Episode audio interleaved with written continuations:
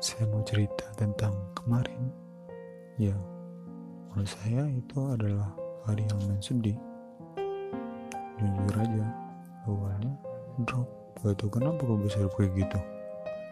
Seakan-akan dialah segalanya. Tapi saya perlahan bangkit dari sakit yang begitu sakit dan mata berdarah seperti kemarin.